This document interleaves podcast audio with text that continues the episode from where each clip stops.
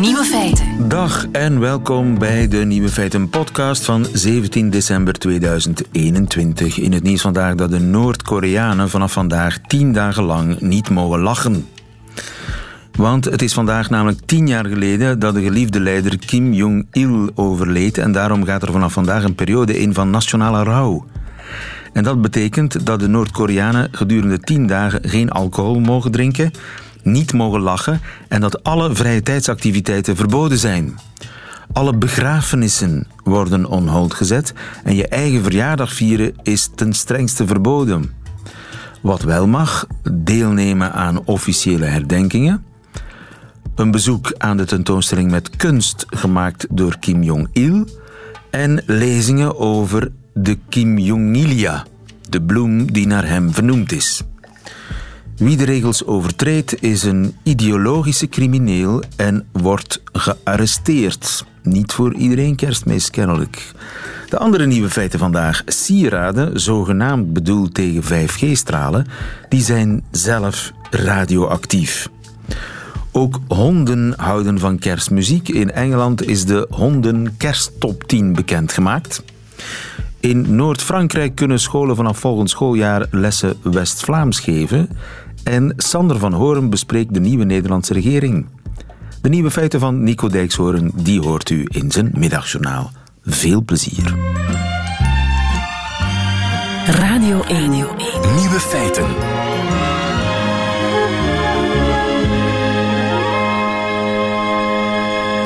Ze zijn bedoeld tegen 5G-straling, maar ze zijn eigenlijk radioactief. Bepaalde amuletten die uh, op het internet te koop zijn. Zo waarschuwt het Vank. Goedemiddag, Ines Venneman. Goedemiddag, lieve. Ines Venneman, je bent woordvoerder van het Federaal Agentschap voor Nucleaire Controle, het FANK. En jullie waarschuwen samen met jullie Nederlandse collega's voor bepaalde radioactieve sieraden. Om welke sieraden gaat het? Ja, klopt. Het gaat om uh, bijvoorbeeld hangertjes, amuletten, armbandjes, zelfs uh, slaapmaskertjes, die de drager ervan zouden beschermen tegen 5G-straling. Maar ironisch genoeg worden die juweeltjes gemaakt van ertsen die van nature uit radioactief zijn, wat dan net een gezondheidsrisico inhoudt. Ja, want voor alle duidelijkheid, die 5G-straling, die is niet gevaarlijk voor de gezondheid. Wel, daar kunnen wij ons als vank moeilijk over uitspreken, uiteraard. Um, dat is niet onze bevoegdheid. Maar um, laat ons zeggen dat uh, uh, mensen die erin uh, geloven, dat die zeker niet deze hangertjes moeten dragen, want dat houdt net een gezondheidsrisico voor hen in. In de natuur zijn radioactieve stoffen namelijk vrij onschadelijk voor de mens. Maar wanneer die stoffen, um, dus die juweeltjes, die worden geproduceerd op basis van mineralen die um, natuurlijke radioactieve stoffen bevatten, zoals natuurlijk uranium, thorium, uh, radium. En wanneer die stoffen langdurig in contact komen rechtstreeks met de huid, dan kunnen die op termijn schade veroorzaken aan weefsel en DNA. Kun je daar kanker van krijgen? Wel, dat is een van de mogelijkheden op lange termijn, uiteraard. Uh, nu, met straling is het een beetje zo, het is een cumulatief effect. Uh, het is een beetje zoals met roken. Het, uh, het, het kan zijn dat je op termijn kanker ontwikkelt. Het is sowieso niet goed voor de gezondheid. En um, wij raden altijd aan vanuit het vank om zo weinig mogelijk blootgesteld te worden aan straling. Dus waar je het kan vermijden, kan je dat beter doen. Dus vandaar dat wij um, sensibiliseren, ook hier rond. Voornamelijk nu in de eindejaarsperiode, wanneer mensen volop online op zoek gaan naar uh, laatste kerstcadeautjes voor onder de boom. Um, dan willen we er toch wel voor waarschuwen dat dit type van juweeltjes, en je kan die vinden op bijvoorbeeld um, online, hand, uh, online websites zoals bol.com of Amazon. Zelfs bol.com um, en Amazon verkopen die. Mag dat eigenlijk wel? Wel nee, dat is bij wet verboden in België ook sinds een tiental jaar. Um, en wij sensibiliseren daar vaak rond. Wij contacteren ook die handelaren op het moment dat we zien uh, dat er zoiets verschijnt op de website. Maar helaas uh, kunnen wij heel moeilijk alle individuele producenten en handelaren in kaart brengen. Dus in eerste instantie nemen wij contact op met die websites en gaan we hen zeggen van kijk, dit is verboden in België, jullie moeten het onmiddellijk offline halen. Uh, zien we nadien toch weer een inbreuk verschijnen, ja, dan kunnen we daar ook uh, verder mee gaan en, en wettelijke, gerechtelijke stappen ondernemen. En als ik nu zo'n slaapmasker of amulet tegen 5G heb, die eigenlijk radioactief is, wat moet ik ermee doen? Mag ik dat gewoon weggooien? Wel, nee, in eerste instantie sowieso onmiddellijk stoppen met het te dragen, zou ik zeggen. Dus um, het, is, het, is, uh, het heeft geen uh, korte termijn effect. Het is niet dat je acuut uh, kanker gaat ontwikkelen door het dragen van zo'n juweel of zo'n slaapmasker, maar leg het in elk geval al ver weg en contacteer dan vervolgens de verkoper van wie je het juweel of het, het, masker hebt gekocht. En dan gaan zij je kunnen vertellen op welke manier je het moet inleveren voor correcte verwerking. Want het is natuurlijk niet de bedoeling dat er radioactieve radioactieve uh, stoffen uh, in het leefmilieu terechtkomen. Ja, dus, die dus eigenlijk radioactief afval? Ja, eigenlijk, uh, eigenlijk wel. Dus het, het, moet eigenlijk via de verkoper, maar krijgen mensen daar geen gehoor of loopt daar iets mis, dan kunnen ze ook uiteraard altijd bij ons terecht, bij het vank. Uh, en dan kunnen wij met hen bekijken wat ze kunnen ondernemen. Er is geen afdeling radioactief afval op het containerpark, hè? Dus ja, Nee, nee, nee, dat klopt. Dus dat moet echt via de, via de juiste kanalen uh, gebeuren. Er, er, zijn specifieke organisaties uh, in België voor uh, de verwerking van radioactief afval. Dus ofwel via de verkoper, die wel weet waar hij daarmee naartoe kan, ofwel via het vank. En dan kunnen wij ervoor zorgen dat het in de juiste afvalstroom terechtkomt. Ja, duidelijk, maar zeker niet weggooien, zomaar bij de, de rest van het nee, huishoudelijk nee, afval gooien, want dat is absoluut nee. niet de bedoeling. Leg het, stop het ergens heel ver weg, verpak het goed en uh, contacteer de verkoper of het vank. Ines Venneman, dankjewel. Goedemiddag. Graag gedaan. Dag. Ja, een atoombom uh, op je borst tegen 5G-straling. Opletten. Ja, Sander, je zit naar mij te kijken. Je hebt niet geluisterd daarnet. Er zijn uh, amuletten in omloop bedoeld tegen 5G-straling. Ah. die zijn eigenlijk radioactief. Ja, en zijn er ook amuletten tegen wappies? Tegen wappies? Ja. Dat, dat hoop ik maar. Maar ik, ik vrees dat ze niet zullen werken. Nieuwe feiten. De ontdekking van België. Ik weet wat wappies zijn, overigens. Ja, ik zat het al even te denken van... Weet je het wel? Het staat namelijk het woord op de lijst uh, woorden van het jaar. Mm. Is het het woord van het jaar geworden? In Nederland denk ik toch niet, maar dat weet het ik niet. Het staat alleen in Nederland op die lijst, ja, namelijk. Niet in België. Jullie nee, kennen, wij, kennen wij gewoon niet. Oké. Okay. Uh, wappie is zo uh, het, uh, een idee, een, een zot idee. Een zo, zot idee, zo, maar dan ook op een zot fanatieke manier uitdragen. Volstrekt overtuigd van je eigen gelijk. Juist, ja. Sander. Hey, welkom. Hallo. Sander van Horen, uh, journalist bij de NOS. Uh, in Brussel gestationeerd om te berichten over ons land en over Europa op de NOS. Maar en je zit hier om ons land te ontdekken. Ja, maar onze landen die gisteren toch weer even één waren. Hoezo? Nou ja, omdat Mark Rutte niet op de Europese Raad van Regeringsleiders kon komen en daardoor uh, vervangen moest worden. En dat werd gedaan door Alexander de Croo. Dus die was even gisteren de eerste minister, minister-president van de Lage Landen. Kijk eens aan, zeg, 1830 bestaat niet... Of bestond gisteren heel ja, even niet. Ja, die jubelpoort moeten we gewoon afbreken in het uh, Maar uh, hij was natuurlijk nodig in de Tweede Kamer. Waar hij het debat had over het kabinet... wat na negen maanden onderhandelen eindelijk gevormd werd. Mark ja. Rutte. Ja. Vierde kabinet. En gisteren was hij uiteindelijk toch wel naar die Europese Raad toegegaan. S'avonds pas is hij. S'avonds pas. Hij kwam er om half acht. En ik sprak hem uiteindelijk om half twee s'nachts. En vanmorgen om tien uur zat hij alweer uh, het kabinet voor te zitten in Nederland. Wat een energie, hè? Het is niet normaal. En dat hij dan Alexander de Croo ook niet even wat langer... dat genot van dat Verenigd Premierschap heeft gegund. Toch een gemiste kans. Maar nee, hij stond in de Tweede Kamer te debatteren inderdaad... over onze nieuwe regering. Want er is een nieuwe regering. Ja, we hebben het record van België niet verbroken. Echt bij lange na nee, niet, Maar het heeft wel heel lang geduurd. Ja, ja. Uh, na uh, negen maanden. Hè? Ja, en negen maanden. En dat was ook eigenlijk de teneur van het debat gisteren. Negen maanden voor de doorstart van hetzelfde kabinet. Dezelfde partij, hè? Ja. Maar ze gaan helemaal anders doen dan ervoor. Ja, en dat, dat was de belofte. En dat was natuurlijk prijsschieten voor de verzamelde oppositie. Want hoe, kun, hoe kun, kan een kabinet eigenlijk, wat een doorstart is van het oude kabinet, met dezelfde man aan de leiding.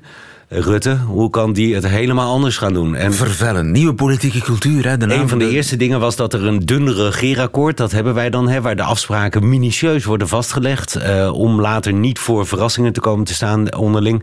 Um, dat moest dunner en dat is inderdaad dunner geworden. Het is nog altijd 50 pagina's tekst. Waarbij al die afspraken tussen al die partijen, dat, dat moeilijk bereikte compromis, eigenlijk versteend wordt in een soort Bijbel die uh, door de hele komende kabinetsperiode heen als leidraad dient. En ook heel veel debatten in Nederland doodlegt. Want het staat in het regeerakkoord, dus daar heb je het niet meer over. Ja, nu, uh, ik hoorde jouw collega Arjen Noorlander zeggen: uh, Rutte heeft zich een kabinet gekocht ja. met heel veel geld. Zoals Geert Wilders het gisteren zei: D66 is eigenlijk de winnaar van deze verkiezingen. Dat waren ze natuurlijk ook. Hè, want ze zijn uh, de grootste groeiers. Zijn de tweede partij van Nederland geworden achter de VVD.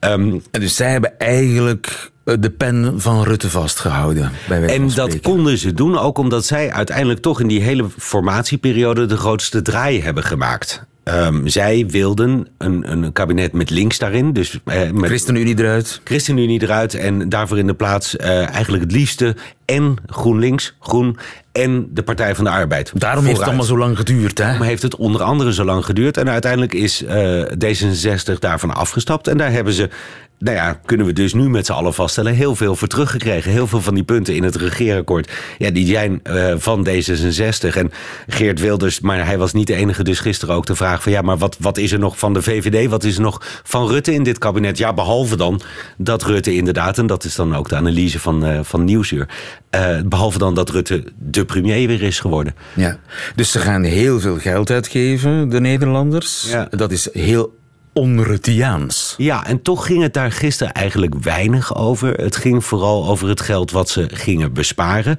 op de zorg. Ja, dus waar er niet heel veel extra geld naartoe gaat. Maar daar was dan weer kritiek op. Nou, en van, van, van de brede oppositie, van, van links tot rechts. En, en je kunt je ook voorstellen, hè, als jij dus nu midden in een pandemie, waar de zorg nog altijd, oké, ook in Nederland is de kaap van de vierde golf een beetje gerond. Cijfers dalen weer, maar Omicron moet toch komen. Uh, de IC's liggen vol, de ziekenhuizen liggen vol, normale zorg wordt uitgesteld de zorg, uh, het zorgpersoneel loopt op zijn of haar tandvlees. En dan 5 miljard euro bezuinigen op de zorg. Alleen, als je goed luistert, het is niet zo. Er wordt, zegt Rutte. Nou ja, zegt Rutte en zeggen ook wel de, de economen die er verstand van hebben. En ook als je kijkt wat nou die plannen echt zijn. Er wordt over 30 jaar, in 2052, wordt er 5 miljard minder meer aan zorg uit. Minder meer eigenlijk. Ja. Dus, dus minder groei. Ja. Maar toch nog groei in de uitgaven. Maar 5 miljard minder. En dat, dat, dat is inderdaad wat gisteren, vond ik, door het hele debat heen eigenlijk een beetje de, de, de schaduw was dat het eigenlijk heel erg daarover ging. De oppositie bleef erbij.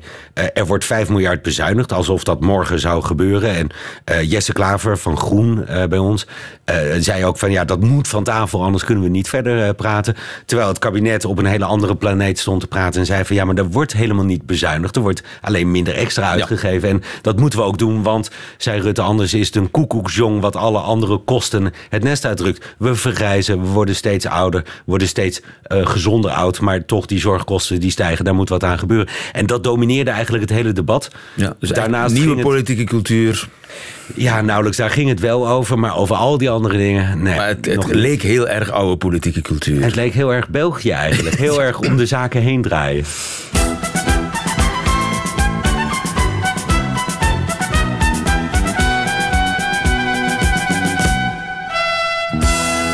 Examen Vlaams. Drie woorden in het examen Vlaams. Die alle drie beginnen met een B. Prachtig toch? Prachtig. Prachtig. Wat is bucht? Bucht? Ja, je kunt kiezen tussen bucht of boegt. Dus ik zeg iets tussen de twee. Eh, sommige streken zeggen bocht, anderen zeggen bucht. En dan zeggen wij bocht? Het zou kunnen. Het zou kunnen. In dat geval is het iets wat niet te drinken is. Iets heel vies. Rommel. Ja? Inderdaad. Kijk. Als in de uitdrukking boegt van een Aldi. Ja, ja, oké, ja. Nee, Het is een liedje, Ja, ja. overigens. ja. Bocht, inderdaad. Boef. Boef. Ja, maar Ik kan er ook een werkwoord van maken, boefen. Dan is Boeven? het duidelijker. Boefen. ja, dat zal dan niet de dief zijn. en Nee, nee, nee, Stelen. nee, Nee, nee, nee. nee. Boeven. Boeven. Boefen. Met een F. Boefen. Ja, boefen. Ja, ik heb een hele vieze... Of ja, hele vieze hangt weer. Maar een hele Nee, het is niet beffen. Nee, oké. Het is niet beffen. Boef is eten. Ja. Boefen is eten. Van buffet. Buffet. Ja, ja, Denk ik dan. ja, ja, ja, ja. Had ja, ik ja. weer via het Frans moeten gaan, hè? Ja, ja, ja. Boel. Een balletje. Nee. B-O-E-L. Het is geen boule met Een heleboel, een hele hoop. Nee, dat zal het dan ook niet zijn. Nee. Verlos mij. Ruzie. Boel. Boel? Ah, oké. 1 op 3. Het is al slechter gegaan. Het is al slechter Het is gegaan. al- Ik moet gewoon weer terugkomen. Je moet helaas weer terugkomen.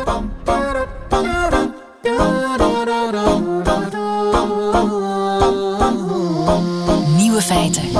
Dit is het favoriete kerstlied van uw hond. Last Christmas I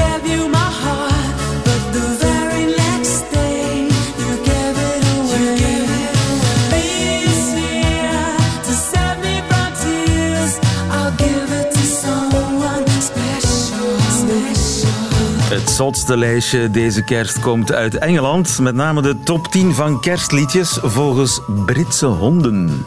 Chris de Sauchois, goedemiddag. Goedemiddag, lieve. Hondenkenner en melomaan, dus ik zit bij jou aan Ja. het goede adres. Ja. Op 2 straat overigens Jingle Bells. Vive le vent, vive le vent, vive le vent d'hiver. Boule de neige et jour de l'an. Et bonne année, grand-mère. Ja, niet, niet noodzakelijk, denk ik, in de versie van Dalida. Maar goed, op twee eh, Jingle Bells en op drie Mariah Carey met een nummer dat we allemaal kennen natuurlijk. Dit is voor alle duidelijkheid geen grap, Chris. Nee, lieve, het is een, eh, het is een onderzoek eh, dat is gevoerd eh, door een eh, VZ2. Een VZ2 die in Groot-Brittannië blindgeleide honden opleidt.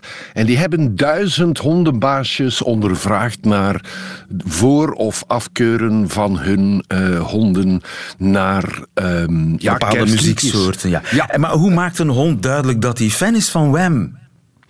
Eh, dat is een zeer goede vraag. En eh, dat is een vraagteken, lieven, dat je bij dit hele onderzoek eh, kunt stellen.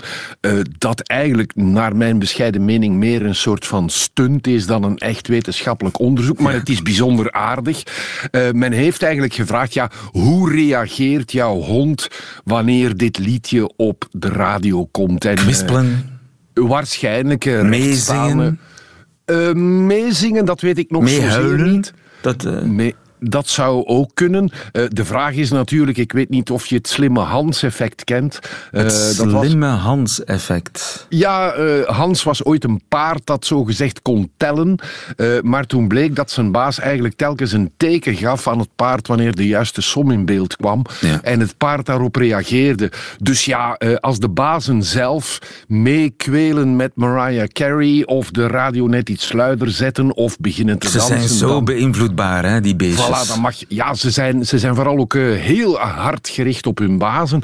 Dus wanneer die speciaal doen, dan kun je ook verwachten eh, dat die honden eh, speciaal doen. Maar er, er zijn wel een aantal leuke ja, opmerkingen die erbij staan. Blijkbaar ehm, hebben honden toch een voorkeur voor vrolijke liedjes. Hebben ze ook een lichte voorkeur voor liedjes die niet te veel stampij maken. Die Rustig, aan de ze zijn aan de rustige rustige muziek. kant zijn. Ja. Eh, en dat sluit aan bij een eerder onderzoek dat wel heel erg wetenschappelijk is eh, gevoerd. En dat is al meer dan tien jaar geleden. Toen hebben ze asielhonden onderzocht en hebben ze gekeken wat hun reactie was in hun kooitje in het asiel wanneer ze muziek lieten horen. Eh, en daaruit bleek dat eh, honden een absolute bloedhekel hebben aan alles wat heavy metal is. Daarvan Geef ze eh, ja, ik geef ze ook geen ongelijk. Eh, eh, eh, ze gaan daar onrustig van bewegen, ze gaan ervan blaffen zelfs. En toen bleken die honden vooral een voorkeur te hebben voor licht klassiek. Daar, gingen ze, daar werden ze rustig van en gingen ze zelfs slapen. En dat is de dus ultieme appreciatie Ja, van een hond. Als hij rustig gaat slapen, dan vindt hij het heel goed. eh. Voilà, ja, eh, honden blijken ook een voorkeur te hebben liever voor rietblazers. Eh, hobo's, ja. fagotten, eh, schalmeien. Het is de tijd van de feestschalmeien, de doedelzakken. eh, en, en noten die in het algemeen lang worden aangehouden. En dat is niet zo verwonderlijk, want hun gemeen, eh, eh, ze hebben met wolven een gemeenschappelijke voorouder gemeen. En we weten allemaal van wolven dat die heel graag huilen. Als de ene wolf aan het huilen slaat, dan valt de andere wolf in. En vreemd genoeg valt hij in in een andere toonaard. En zo kan plotseling de hele wolvenroedel eh, in verschillende toonaarden een aan koor. het huilen slaan. Het is een koor, ja, Ja. inderdaad. Nu, honden zijn dus kennelijk wel eh, muzikale dieren. Eh, zeer zeker. En we weten uit de muziekgeschiedenis dat componisten, en niet de minste, af en toe zelfs naar honden kijken om hun muziekstukken aan te passen. Welke we weten componisten? van. Eh, wel, eh, Elgar, die we kennen van Land of Hope and Glory, eh, die kende een hond, een bulldog. En die was de hond van de organist van een kathedraal in Londen. En die hond had de neiging om te blaffen naar koorleden die niet in de toon zongen. Hoe mooi is dat niet? En we Handig. weten ook van... Handig ook vooral. Heel handig. En ja, de grootste naam die in beeld komt is die van Wagner. Die heeft een heleboel honden gehad. eh, grote en kleine. En die had er eentje, een King Charles Cavalier Spaniel, die Peps heette. En daar heeft hij een speciaal stoeltje voor laten bouwen, waarin hij die hond kon plaatsen. En dan zat hij te componeren aan zijn piano. En dan ging hij voortdurend kijken hoe die hond reageerde. Het is, en als het is die er ook een beetje aan te horen aan Wagner, dus af en toe. Hè? ja, ja, ik ben er niet echt een grote fan van. Eh, Oh, ik wel. oh, ik ben een absolute ja, Wagneriaan. die Maar- De Gustibus et Coloribus. Maar het is een heel mooi verhaal, omdat hij dus ja, eh, de toonaarden van zijn compositie aanpaste aan de reacties van die hond. Ja, er, er gaan zelfs verhalen dat het, eh, het leidmotief dat zo belangrijk is bij Wagner. Als je de ring neemt, dan heeft bijna elk personage zijn eigen jingle, Ja. als het ware. Zijn eigen leidmotief. Dat dat ook met die hond te maken zou hebben. Ja.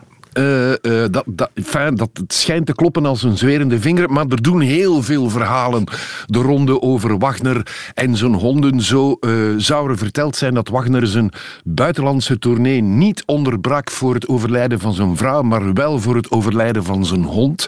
En zijn hond ligt trouwens begraven vlakbij zijn eigen laatste rustplaats. Dus die hondenliefde van Wagner, die, eh, die is echt wel eh, eh, heel erg au serieus te nemen. Ja, en dus het goed in het gehoor liggende leidmotief is misschien geboren omdat hondlief op dat leidmotief altijd wel reageerde. Er zijn trouwens op het internet veel ja, muzikale honden te vinden. Hè? Oh ja, ik volg er eentje op Twitter. en dat is een hele leuke hond. Hij komt uit het asiel. Het is een beagletje. Eh, en hij speelt niet alleen piano met zijn pootjes. Nou ja, iets wat op piano lijkt. Maar van zodra zijn pootjes die toetsen raken, gaat hij meehuilen. We worden hem bezig nu. En hoe heet hij? Hij heet Buddy Mercury. Buddy Mercury, geen familie van Freddy. Maar Ja, daar gooi je kan, hem bezig. hij kan bijna even goed eh, zingen. Ja, het is, eh, ja, het is heel, heel aandoenlijk en heel mooi om naar te kijken. Omdat hij, hij moet zijn pootjes rekken om aan de toetsen te kunnen. En van zodra hij een toon aanslaat, gaat zijn kopje achterover en begint hij echt ja, bijna te huilen. Eh, eh, als een klein wolfje. Het is echt een volgtip op Twitter en Instagram, lieve. Oké, op één in de kersttop 10 eh, van de honden staat Wham, Wham. en Last Christmas. Zouden jouw honden daar het mee eens zijn, denk je? Wel, het, eh, het vreemde is, lieven, dat mijn honden... eh, Toondoof zijn. eh, niet alleen dat, die laten zich aan niks vangen. Wat ik ook opleg in huis van muziek, daar, daar malen ze niet om. Ik mag zelfs het geluid van wolven en andere honden door mijn luidsprekers jagen. Ze doen eens een oog open en dan gaat dat oog meteen dicht. Ze laten zich daar niet aan vangen, helaas. Chris de Joshua, dankjewel. Goedemiddag.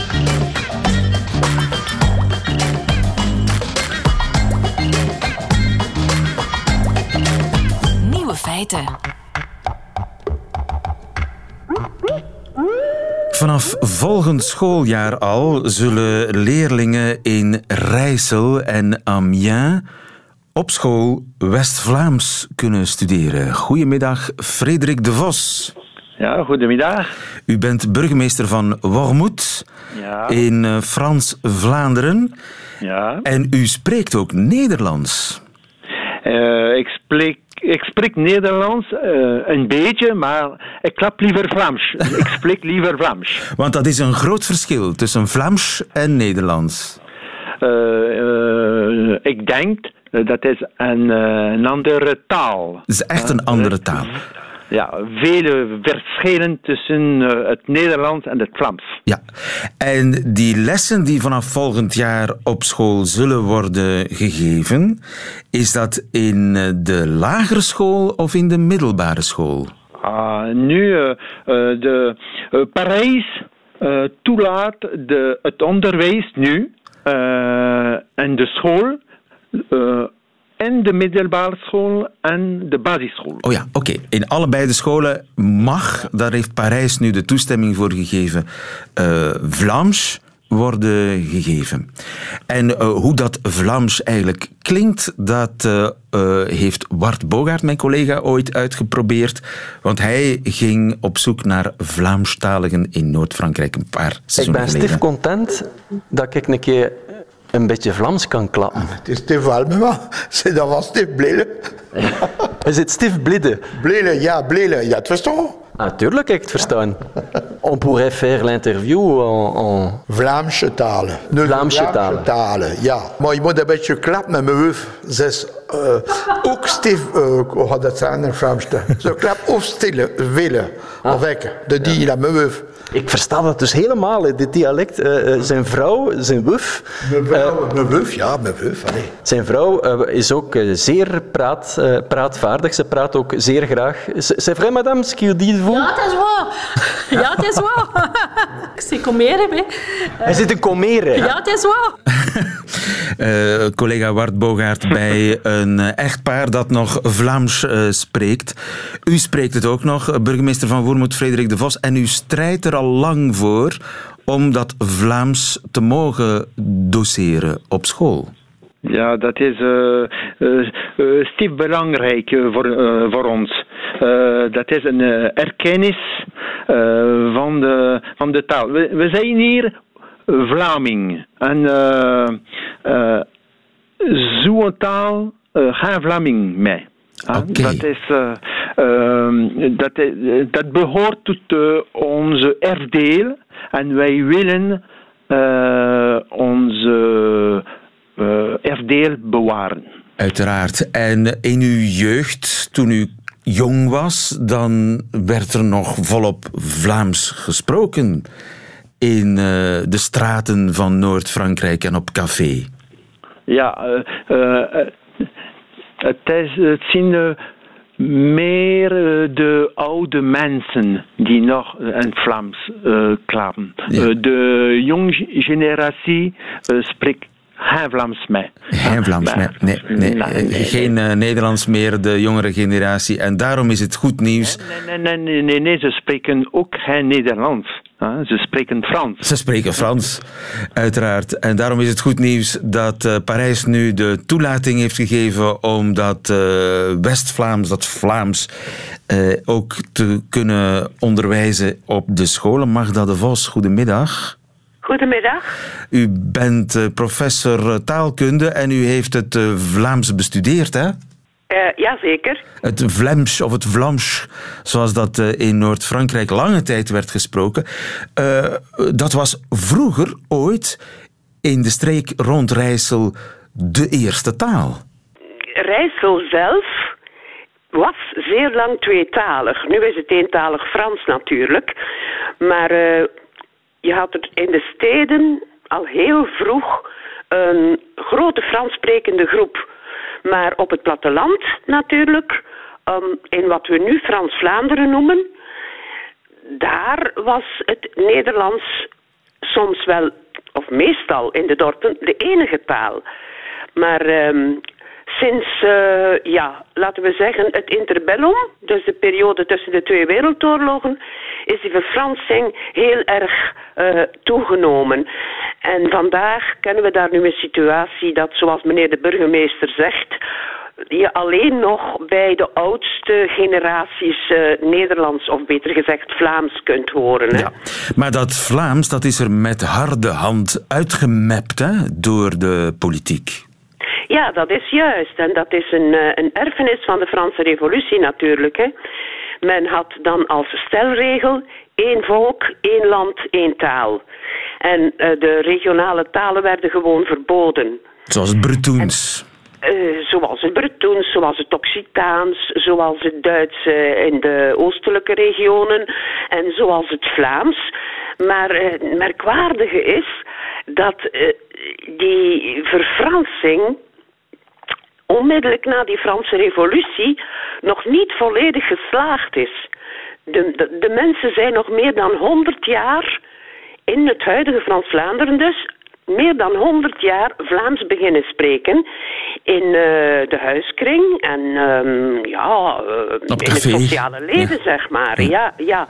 Het, het is eigenlijk vooral door de verbetering van de situatie van de mensen, door de toenemende welvaart, dat dat Vlaams achterwege gebleven is. Ja. En dat was met de opkomst van de sociale hervormingen vanaf het interbellum en dan vooral natuurlijk na de Tweede Wereldoorlog. En hoe verklaart u, mevrouw De Vos, hoe verklaart u de hernieuwde belangstelling voor het Vlaams?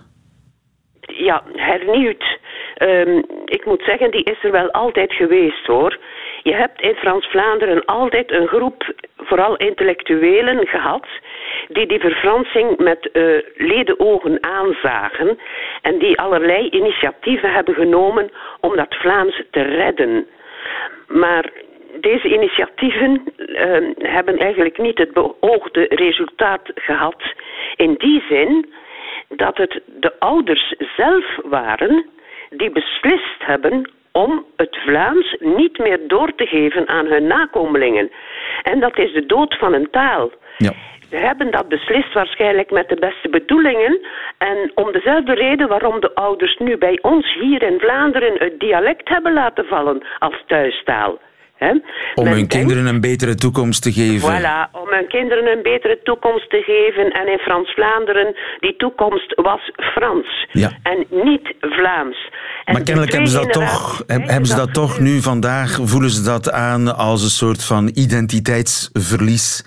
En eh, om daaraan eh, tegemoet te komen, om dat op te lossen, kunnen kinderen nu eh, op school, in de lagere school en in de middelbare school vanaf volgend schooljaar Vlaams eh, leren. Dankjewel Magda de Vos, dankjewel ook eh, burgemeester de Vos van Wormoed.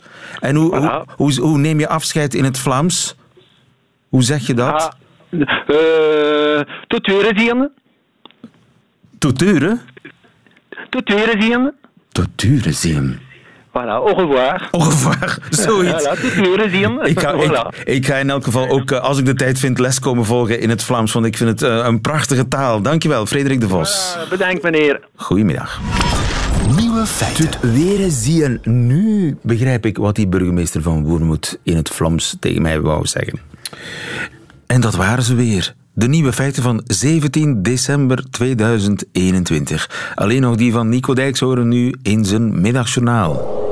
Nieuwe feiten. Middagjournaal. Beste luisteraars, graag zou ik deze week groots en meeslepend hebben willen afsluiten. Bijvoorbeeld met de mededeling dat ik een politieke partij heb opgericht die een heel duidelijk programma heeft. Lief zijn. Ik zeg expres niet voor elkaar. Lief zijn voor elkaar, dat wordt meteen weer zo'n K3 kinderdreun, waarvan je de begeleidende video ook alweer voor je ziet. 140 springende kinderen in allemaal hele leuke gekleurde kleding en met allemaal kleuren huid. En die vlak achter K3 staan te schreeuwen dat ze allemaal lief voor elkaar willen zijn. Voor elkaar. Maar ik heb helemaal geen politieke partij opgericht. Ik had gisteravond Een paar uur uitgetrokken om mijn leven weer eens een keer stevig op de rails te zetten. Dat is niet helemaal gelukt. Hier een kort verslag van mijn activiteiten. In de spiegel kijken en om mijn kin een zwarte baard denken. Schrikken van dat beeld. Kapitein Haddock, maar dan kaal. Daarna stom verbaasd naar het kliklaminaat in mijn hobbykamer kijken en het zo jammer vinden dat het ooit maar één keer klik heeft gezegd. Kijken, als ik mijn arm over mijn schouder heen doe, hoe ver ik met mijn vingers op mijn rug kan komen. En dan aan Tanja vragen of ze een streepje met een stift op mijn rug wil zetten. Kijken hoe snel ik het alfabet op kan zeggen. En dan een soort trots voelen als ik keihard langs de letter Q vlieg. Nou ja, luisteraars, dat dus. De gebruikelijke zinloze verveling. Toch kan ik u op de valreep vertellen dat het erop lijkt dat ik een soort van nieuwe liefhebberij heb. Het is nog heel vers en pril, want ik doe het nog maar 50 minuten. Maar met een beetje geluk wordt dit iets wat mij door de weken heen gaat trekken. Ik kijk naar etende vogels. Sinds gisteren heb ik een stalen cilinder en daar kunnen vogelpinda's in worden gedaan. Ik zelf wist niet eens dat er pinda's voor vogels bestonden, maar vogels, die weten omgekeerd ook weer niet dat wij chips vreten met de smaak van gebakken kip. Luisteraars, het is prachtig. Die vogels die weten helemaal niet dat ik kijk en dan zie ik die drift van ze als een te groot nootje uit die buis proberen te trekken. Ik noteer in een schrift hoe lang ze daarover doen. Hier de laatste stand. Koolmees luistert naar de naam Kobi, 21 seconden. Ekster luistert naar de naam Kees, 6 minuten en 1 seconde. En luisteraars, dat is nou precies de tijd die ik had kunnen gebruiken om na te denken over de inhoud van dit middagjournaal. Sorry voor alles. Tot een volgende keer. Kale man, luisterend naar naam Nico, gaat wanhopig proberen het nieuwe jaar uit een stalen buis te peuteren.